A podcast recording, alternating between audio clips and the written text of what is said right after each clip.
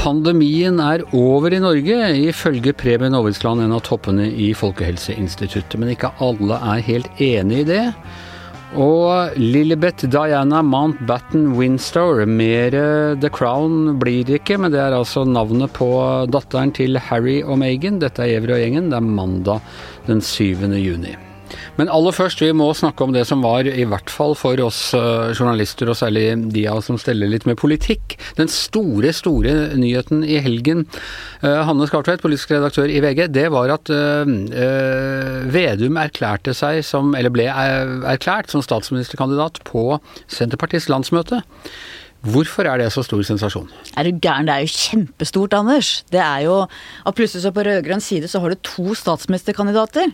I 2005, da de rød-grønne for første gang gikk til valg sammen, så var alle tre partiene, Senterpartiet, SV og Arbeiderpartiet, enige om at de skulle danne regjering sammen. Og de var enige om at det var Arbeiderpartiets leder som var statsministerkandidat. Men Det kan jeg være med på. Men samtidig så var ikke det ganske opplagt at han ville bli det hvis Senterpartiet ble stort nok. Og, og jeg føler litt. Og, og så når jeg hørte Politisk kvarter i dag, at nå har vi i mediene løpt etter han hele tiden og sagt 'Er du statsministerkandidat? Er du statsministerkandidat?' Så han sa nei, nei, jeg tenker på hele Norge og vil ikke tenke på spillet og sånne ting. Og så når han endelig sier det, så er vi litt sånn fornærma fordi han ikke har sagt det før. nei, vi er ikke fornærma. litt. er du fornærma, Anders? Ja, litt krenka. Nei, jeg, jeg, snakker om dere. Å oh ja, det er ikke, det er ikke oss nå lenger, det er også dem? Ja, ok, ja. da tilhører jeg dem. Ja, jeg ser på meg nå som en sånn nøytral som stiller spørsmål, og så svarer du. Ok. Nei, det er klart det er kjempeinteressant når ja, ja, men jeg skjønner at det er interessant, men, men er dette liksom som eh, Det der er akkurat når han sier det, og at eh, på Politisk kvarter var det et poeng at han ikke hadde sagt at han ville si noe om det på landsmøtet og sånn. Er det mest interessant for politiske journalister, eller er det en uh, allment interessant Sier det noe om Vedums lederegenskaper at han ikke har villet si det før og sånn? Ja, jeg tror det er veldig interessant for velgerne. Og det er klart at et, stat, et stortingsvalg handler veldig mye om hvem som skal bli statsminister. Og når det regjeringsalternativet som ønsker å kaste Erna Solberg som statsminister, plutselig har to kandidater, så gjør det at det blir et helt annet politisk spill. Og én ting var da Slagsvold Vedum og Senterpartiet var størst på noen målinger og virkelig var i nakken på Arbeiderpartiet. Da kunne det kanskje vært aktuelt å sagt, at de kunne sagt at ja, han er vår statsministerkandidat dersom vi blir størst. Det hadde vært noe annet. Men nå er Arbeiderpartiet gått ganske tydelig ifra. Det er ikke veldig lenge til stortingsvalget. At de da plutselig får to kandidater, det tror jeg kan være forvirrende for velgerne. Og derfor tror jeg det er mye viktigere for velgerne enn for oss journalister på denne siden av bordet. Ikke dere som sitter der hvor du sitter, Anders, men oss som sitter her. Ok. Ok. Jeg ser poenget ditt, Hanne, for å si det sånn. Jeg spør på vegne av noen venner på sosiale medier. Bra, det. Eh, pandemien er på det nærmeste over i Norge, tweetet Preben Aavitsland, en av toppene i FHI nå i helgen. Astrid, er du enig med ham i det? Nei. Men ser du poenget? Er han eh, Var det klokt å si det for å skape litt optimisme og begeistring i befolkningen? Svaret er fortsatt nei. Ok. Eh, hvorfor tror du at han, som er en av toppene overlege og smittespesialist og jeg vet ikke hva, tweeter dette når det er så feil? Det var den pandemien, var det han tvitra, overlegen og kommunelegen eh, Preben Aavitsland på søndag. Og så la han ved en fin graf som viste nedgang i smitten da, i Norge. Um, tja, og det kan jo bare tenkes at han satt og surfa litt, kjeda seg litt på en søndag og tvitra litt, da. Hvorfor ikke spre litt optimisme og sånn i alle disse dystre nyhetene om varianter og nedstengninger, og trondheimerne får vel ikke lov til å møte mer enn to personer, og det er stengt i Agder og Hammerfest osv. Men man liker jo å tro at de som har ansvar for pandemien i Norge, ikke bare sitter og kjeder seg på søndag og, og tweeter eh, fake news ut av eh, ren kjedsomhet? Altså, det ble ganske godt mottatt. da. Det var en god del som likte den optimismen. De var lei av å høre Alle har jo selvfølgelig lyst til å høre at pandemien er over, men så, så ble det jo bråk, da, selvfølgelig. Helt forutsigbart, og akkurat det kunne vel Preben Aavitsland, som har vært med så lenge i dette gamet forutsett. Det tror jeg han gjorde òg. Han skjønte at det her kom til å bli oppslag av. Eh, først så var det jo masse sure folk som sa på Twitter at hallo, det dør tusenvis eh, globalt hver dag, og det er ikke noe oksygen i Afghanistan. Og så humørløse folk, sant. Men så greip jo helseminister Bent Høie inn og på, på FHI så måtte han på arbeid på søndags ettermiddag, og kommunikasjonsavdelinga måtte snekre sammen en pressemelding om at pandemien ikke er over. Og Camilla Stoltenberg, sjefen da, til Preben Aavitsland, måtte ut og korrigere den.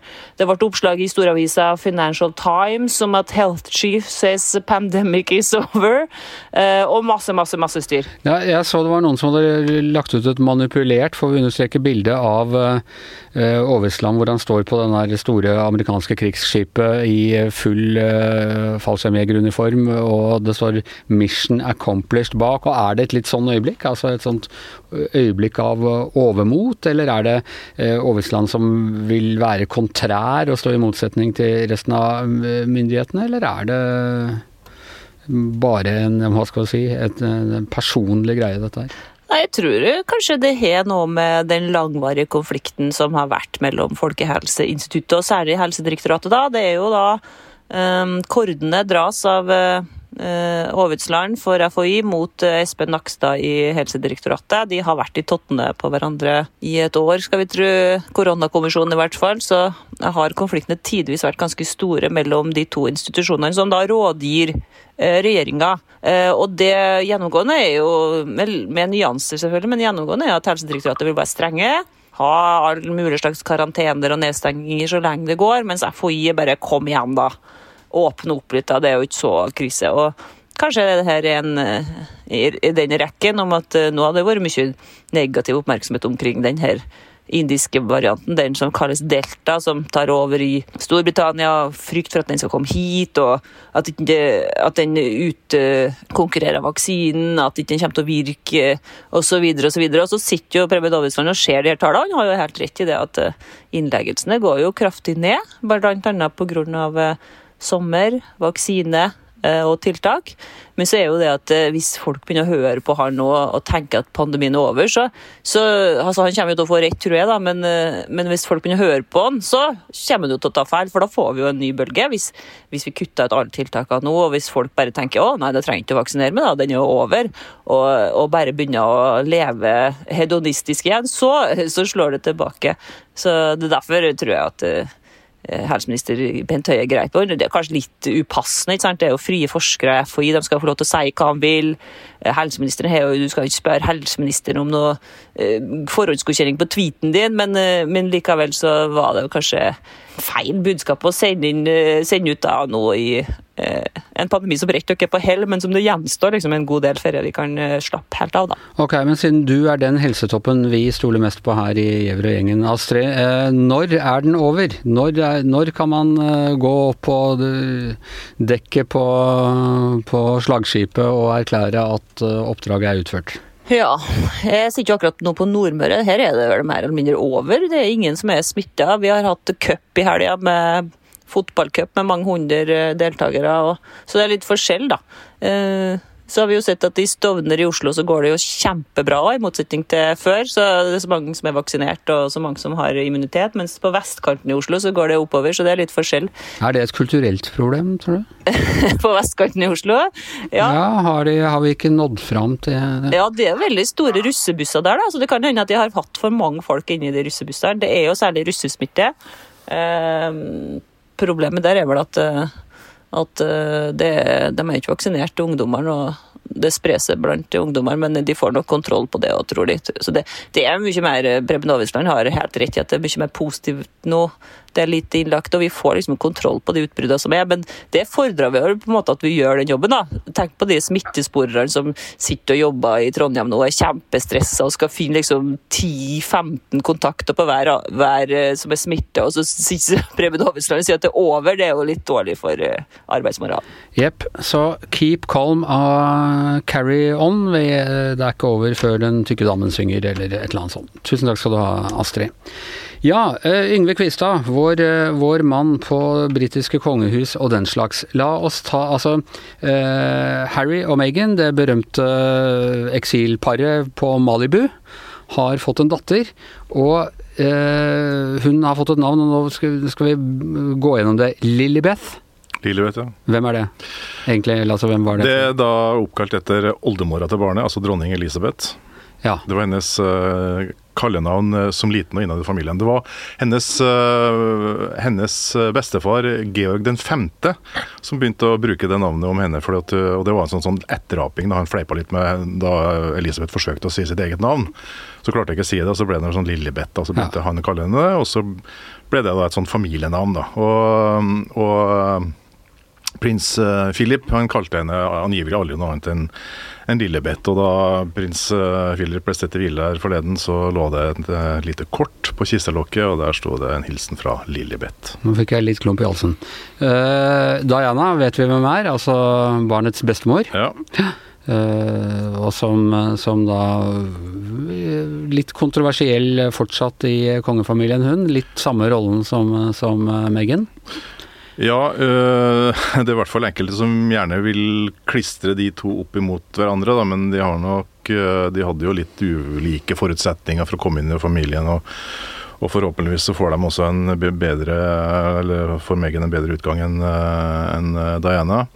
Men det er jo sagt om, om prins Harry da, at han i og for seg den som ligner mest på sin mor.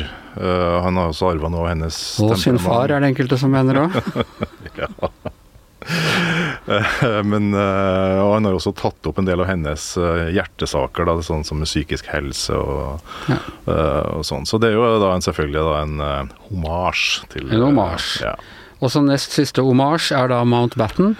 Ja, det var jo det familienavnet da som de Eller som prins Charles gjerne ville ha Nå nylig avdøde mm, prins Charles? Ja, etter da lord Mountbatten, ja. selvfølgelig. Krigshelten. Og vise Hva var det han vise Visegeneral. Visegeneral over India, mm. og drept i et IRA-attentat ja, i 1979. Ja. Og så til slutt Windsor, og det er familienavnet? Det er jo det nye familienavnet de tok, da, for det var litt vanskelig. Men de, de hadde jo hele den der tyske arverekka uh, opprinnelig. ikke sant? Og Så kom jo krigen, og det ble litt vanskelig å gå rundt og, og hete mange rare tyske slagsnavn, så da ble det Winster. da. Ja.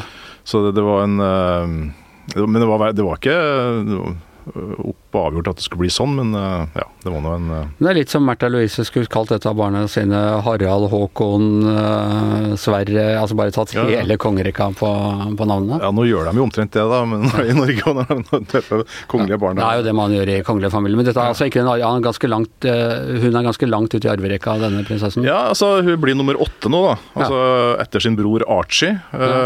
Så det er jo tre søskenbarn før seg. og Eh, og, og, faren, selvfølgelig. Eh, men det betyr også da at eh, prins Andrew blir da skjøvet ned fra åttende til niendeplass i arverekka. Ja. Så de rykker stadig bakover i køen, enkelte. bakover i køen, enkelte. Men du, det, ikke, det, var ikke egentlig det du helst ville snakke om når det gjaldt uh, kongefamilien i dag? Uh, det, det, var, var kvinnelige krefter i redaksjonen som presset på dette, dette stoffet? Det var alltid en givet anledning til å snakke om kongefamilien i, i, Storbritannia. Nei, Det som er, er, interessant nå, er jo hvordan, uh, hvordan, den blir brukt for å berge union, altså den britiske union. Det er jo litt sånn at når uh, altså det, Kongefamilien står jo over politikerne over politikken, ikke sant? men det er jo alltid sånn at når det røyner på og politikken eh, på en måte har spilt fallitt eller ikke funker, så påkaller man kongefamilien. ikke sant? Og Det er jo det som har skjedd i tilfellet her. Visstnok har det vært et uh, hemmelig møte med Gordon Brown, den skotskfødte tidligere statsministeren og Labour-formann. Og mellom han og, og, William, der han da har ytre ønske om at kanskje kongefamilien bør Eh, tre inn på scenen for å, å, berge unionen. og det er jo ikke så rart. For, for å redde Skottland fra å løsrive seg, rett og slett? Ja, fordi at uh, igjen så har politikken uh, spilt fallitt. Boris Johnson er så giftig og så uønska i Skottland at det er ingen vits å sende han nordover for å snakke skottene til fornuft. Men derimot så kan man kanskje appellere til deres uh, emosjonelle instinkt da, når det gjelder, når det gjelder uh, kongefamilien og, og, og, og, Den kongelige union. For at man husker på det at hele hele ideen om de forente kongeriker, fire, uh, fire riker, det er en idé om uh, forening av kongedømmer. Den skotske union, eller den unionserklæringen av 1707 var jo egentlig bare en formalisering av en union som allerede da har vart i, i ganske nøyaktig 100 år, ved at den skotske king James, eh, eller kong Jakob som heter på norsk, Jakob den sjette, ble James den første, Jakob den første av, av, av Storbritannia. For at uh, Elisabeth den første var da død, hun hadde ingen barn. Hennes nærmeste uh, slektning var da James av Skottland, som da var sønn av Maria Stuart. så derfor så var han Som var queen av Skottland. Nemlig. Så derfor så måtte han da ta, må, måtte ta over. da. Så dermed så er det jo veldig mange skotter som, som syns at det er litt sånn De blir nesten litt indignert når, når engelskmennene underforstått gjør krav på Skottland, for de mener at det var de som redda den britiske unionen. ikke sant? Ble ikke Maria Stuart halshogget? Jo, men det er en annen historie. Ja, at, men er det, er, det, er det, en god idé å sende bøddelen opp der for å Altså Sønnen til James den første, som da var Carl den første, altså Charles den første, ble også avretta. Han var første konge. Eh, I de kretser så var det vanlig på den tida, men, men, men altså, det jo, likevel så er det jo en kontinuitet her, da. Uh, sånn at men, faktisk altså James da, Den skotske James blir da den første kongen av, av Storbritannia. Skjønner, skjønner. Er også konge av, første konge av Irland. Men hva skal, disse, hva skal Mary og William gjøre uh, konkret, utover å ta seg en tur til Skottland? Helt konkret så er det lagt en liten plan om at de tilfeldigvis skal begynne å oppholde seg såpass mye på Balmoral, altså slottet, som er det sommerslottet, sommerslottet til, til um, dronning Elisabeth, som da var på mange måter Victorias residens veldig, veldig lenge. Dronning Victorias residens. Så de skal da uh, i det, Nei, ikke det skjulte, men de skal, i hvert fall, de skal være der såpass mye at de blir nærmest naturaliserte skotter. da. Ja.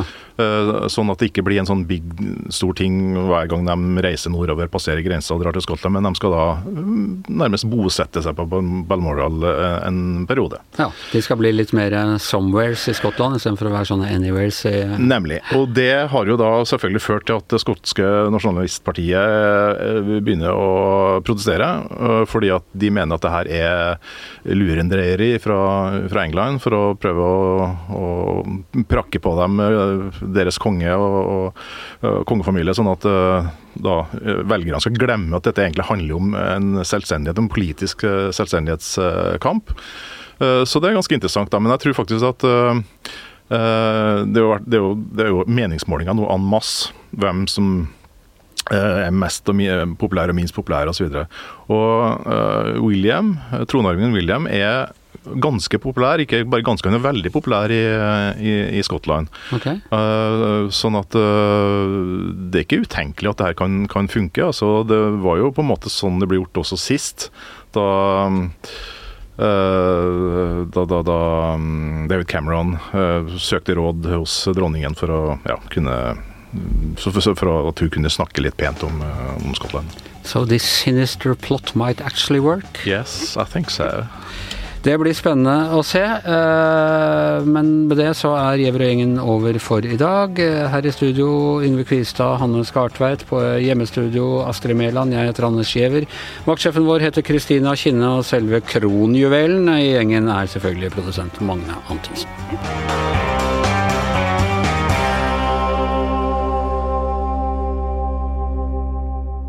Du har hørt en podkast fra VG.